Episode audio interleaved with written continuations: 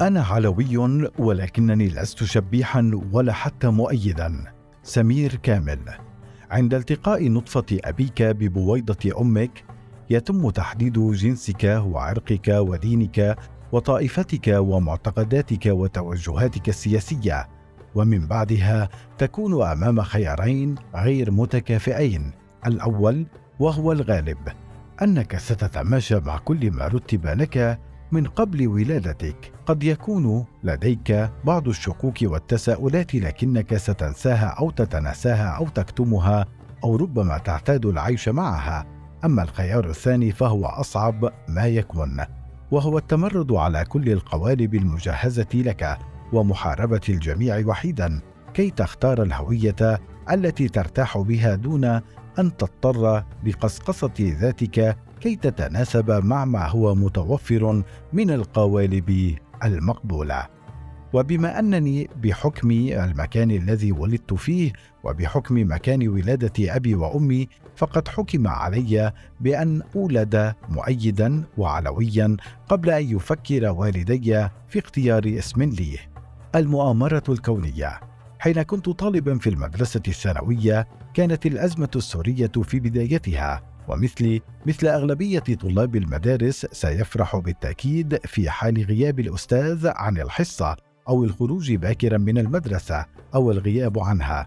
لهذا كنا نفرح كثيرا حين تبدأ الشائعات والتساؤلات بين طلاب المدرسة معقول بكرة في مسيرة خلونا نسأل الأستاذ أحسن شيء فيرد الأستاذ علينا بنبرته الجافة. اسألوا المدير أنا ما لي علاقة وأتذكر تلك الفرحة العارمة حين يعلن الأستاذ تعطيل الدوام في الغد. من أجل الذهاب في مسيرة مليونية مؤيدة تؤكد على الثوابت الوطنية والوقوف إلى جانب القيادة في وجه المؤامرة الكونية التي تحاك ضد الشعب السوري بمختلف أطيافه. هنا تتجسد النرجسية الجماعية في أبهى صورها فنحن لا سمح الله لم نخطئ في بناء أسس الدولة والقانون والمؤسسات وإن أخطأنا فهو ضمن الحدود الطبيعية حتى بأوروبا في فساد. كل ما يحدث هو مؤامرة لأنهم لا يريدون لسوريا أن تتقدم وتتطور. حقيقة لم يخرجنا أحد بالقوة في مسيرات مؤيدة ولكن أذكر تماما كل تلك الهتافات المؤيدة التي كنا نصدح ونهدر بها ثم أعود بعدها إلى المنزل لأشاهد التلفاز على القنوات العربية والعالمية حيث يصف محللوها ومذيعوها المسيرات المؤيدة على أنها خرجت بالإجبار أو أن المؤيدين خرجوا تحت التهديد. حقيقة لم يخرجنا أحد بالقوة ولم يستعملوا معنا أي وسيلة إجبار ولكن عقود من التخويف والقمع والظلم كانت كافية لغسيل دماغ أجيال وكل جيل يقسل دماغ الجيل الذي يليه. فعن قناعة تامة كان أساتذتنا ومعلماتنا يطلبون منا الخروج في مسيرات مؤيدة وإن لم يأخذ هذا الطلب شكلا واضحا لأنه من وجهة نظرهم هو الأمر الطبيعي والبديهي الذي ينتظرونه ولا ينتظرون أي شيء آخر. ابدا. السلطة ليست طائفية فبحكم وجودنا في بيئة ريفية علوية موالية حتى النخاع لم يكن الأساتذة بحاجة إلى التجيش أو إثارة العواطف والغرائز فالخوف من السلطة كان قد عشش في جينات آبائنا وانتقل إلينا عبر الجينات والبيئة والمدرسة والأحاديث والقصص التي تروى عن معتقلين علويين من القرى المجاورة. مكثوا في السجون السورية حوالي عقدين من الزمن وتعرضوا لكافة أشكال التعذيب الجسدية والنفسية دون إجراء أي محاكمات لأنه وحسب التعبير الشعبي كبشوهم عم بيحكوا بالسياسة. في إشارة إلى الخلاف المعروف الذي وقع بين شقي حزب البعث العراقي والسوري ومن هنا زرع الخوف في قلب كل من يجرؤ على الكلام في السياسة. فالنظام لن يرحمه ابدا ولن يشفع له ميوله المؤيدة أو طائفته العلوية. فآلة الحكم الاستبدادية في سوريا ليست طائفية كما تروج أو يروج لها.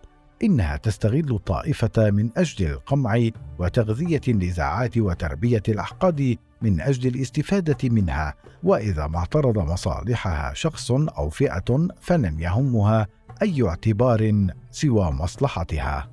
نحن العلويون في ورطة. حقيقة لا يعرف أحد الورطة التي وضعت فيها الطائفة العلوية. لقد استغل طرف الحكومة أو النظام خوفها السحيق من الآخر ورهابها من الخوازيق العثمانية. فقد حشيت الرؤوس على مر العقود بمجازر السلطان سليم وحادثة سقيفة بني ساعدة وسب الإمام علي بن أبي طالب على منابر الدولة الأموية. إنني أتذكر حين كنت طالبا في الصف العاشر وقد دخلت مدرسة مادة الفلسفة وبدأت بالبكاء والصراخ. مين مطلع عني إشاعة إني سنية. مو عيب عليكم تحكوا بهي القصص. كلنا أولاد بلد واحد. لقد كانت المدرسة علويه من إحدى القرى البعيدة ولكن جملة كلنا أولاد بلد واحد لم ترق لأحد الطلاب فأخذ يناقشها بغضب واضح وختم قوله يا آنسة هدول ضلوا يسبوا الإمام علي 200 سنة على المنابر. ورغم محاولة آنسة الفلسفة تهدئة النفوس ونشر التسامح لكنها قوبلت بتعصب وحقد من طرف طالب لم يكمل الثامنة عشر من عمره أي أنه لا يزال طفلا. هنا يبرز دور التعليم الديني للأطفال في إذكاء نار الحرب السورية وهذا لم يقتصر على طائفة بعينها بكل تأكيد. وفي مقابل آنسة الفلسفة ذات الفكر النير والقلب المتسامح يدخل مدرس اللغة الإنجليزية ذو الأربعين عاما بجثته الضخمة ورأسه الأقرع وبعد نهاية الدرس يفتح حديثا صريحا حول الأزمة والأوضاع الراهنة الميدانية والاقتصادية والعمليات العسكرية التي كانت على أشدها في سنة 2014 حيث علق على عمليات التعفيش بقوله كل العساكر ما معهم ياكلوا وعم يفوتوا لمناطق غنية شو ناطرين منهم؟ بعرف عسكري قرايبي جاب معه من حلب شاحن موبايل من أحد البيوت. هذه الكلمات كان يقولها أستاذ ومدرس يفترض منه أن يكون قدوة لطلابه في العلم والأخلاق وفي الثانية قبل الأولى. هذا ما يؤكد على عمق الأزمة السورية التي تتجاوز موضوع خلاف سياسي أو صراع بين معارضة وموالاة. فلا يكتفي بتبرير عمليات التعفيش أي سرقة المنازل التي هجرها سكانها بسبب الحرب بل تجاوز ذلك بكثير حين قال إن الطرف الآخر يربي أطفاله على قتلنا كعلويين لذا نحن يجب أن نربيكم على ذلك أيضا وعلى فرض أن هذا ما يحصل عند بعض الجماعات الدينية المتشددة فمتى ستنتهي هذه الحلقة المفرغة من الحقد والكره والقتل؟ فكما يقول المهاتما غاندي إذا كانت الإساءة تقابل بالإساءة فمتى تنتهي الإساءة؟ هل للتعليم الديني دور؟ رغم انتماء أستاذ اللغة الإنجليزية وآنسة الفلسفة إلى البيئة الاجتماعية والدينية والمذهبية والطائفية والجغرافية ذاتها كلاهما علويان ولكنهما يمثلان فكرين مختلفين تماما لا بل متناقضين ومتضادين. وهذا ما يمكن ان نرجعه جزئيا وليس بالمطلق إلى التعليم الديني العلوي الذي يقتصر على الذكور دون الاناث. فعندما يبلغ الذكر الطفل تتم سرقه طفولته وتلقيمه معتقدات وافكار أيديولوجية كبيرة على مستوى وعيه. الأمر ذاته في الكثير من الأديان والطوائف. أما الأنثى فيتم إهمالها أو تهميشها من الناحية الدينية فتبقى على فطرتها وهذا الكلام نسبي ولا ينطبق على الجميع. فيوجد الكثير من الذكور الذين تمردوا على الأفكار الدينية ورفضوها عن بكرة أبيها. ويوجد إناث متزمتات رغم عدم تلقيهم أي تعليم ديني. وحتى نبسط جزءا من تعقيد الكارثة السورية التي وضعنا فيها النظام. كان شقيق آنسة الفلسفة هذه عسكريا في الجيش السوري وقد قتل في إحدى المعارك. لقد كان مؤمنا أن ما كان يقاتل لأجله هو قضية عادلة ليس لأجل أبناء طائفته وإنما لأجل جميع أطياف الشعب السوري. وربما كان قائد كتيبته أو مجموعته كذلك لكن من هو فوقهم جميعا كان يستغلهم لأجل بقائه على سدة الحكم وكان يؤجج في داخلهم تلك المشاعر الطائفية والدينية والوطنية بغض النظر عن أحقيتها بعد أن أتم عملية غسل أدمغتهم في البيت والعائلة والمدرسة ومعسكرات الطلائع والاجتماعات الحزبية والجرائد والتلفزيوني الرسمي الوحيد واتحاد الطلبة والنقابات وغيرها الكثير من الأدوات التي استغلها لإخراج أجيال مؤدلجة وجاهزة للموت من أجل كرسي السيد الرئيس.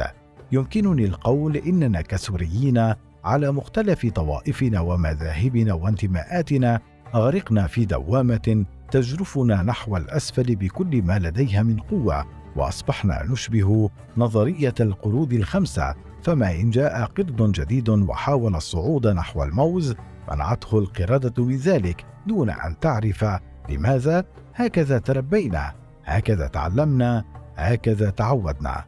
وفي النهاية كما أن السنة ليسوا كلهم داعش فالعلويين ليسوا وحوشا وليسوا ملائكة إنهم بشر فيهم الصالح والطالح فيهم المؤمن والملحد الربوبي واللاديني. فيهم السارق والزاني والعفيف والطاهر فيهم السكير والعربيد والعابد والزاهد فيهم الموالي والمعارض والرمادي فيهم من يهتف بحياة أبناء الطبقة الحاكمة ويفديهم بروحه ودمه وفيهم من يستيقظ صباحا وهو يشتم أسلافهم وأولادهم وأحفادهم وقد كثروا في الآونة الأخيرة فيهم من شارك في عمليات التعفيش وأصبح من أمراء الحرب وفيهم من رفض أن يأخذ ما ليس له ولعن وشتم كل من يفعل ذلك أو يبيعه أو يشتريه أو يساهم في ذلك من قريب أو بعيد. فيهم من يحب القهوة بسكر وفيهم من يحبها بدونه. فيهم حتى من لا يشرب المتة ابدا ويعاديها ويهزا من شاربيها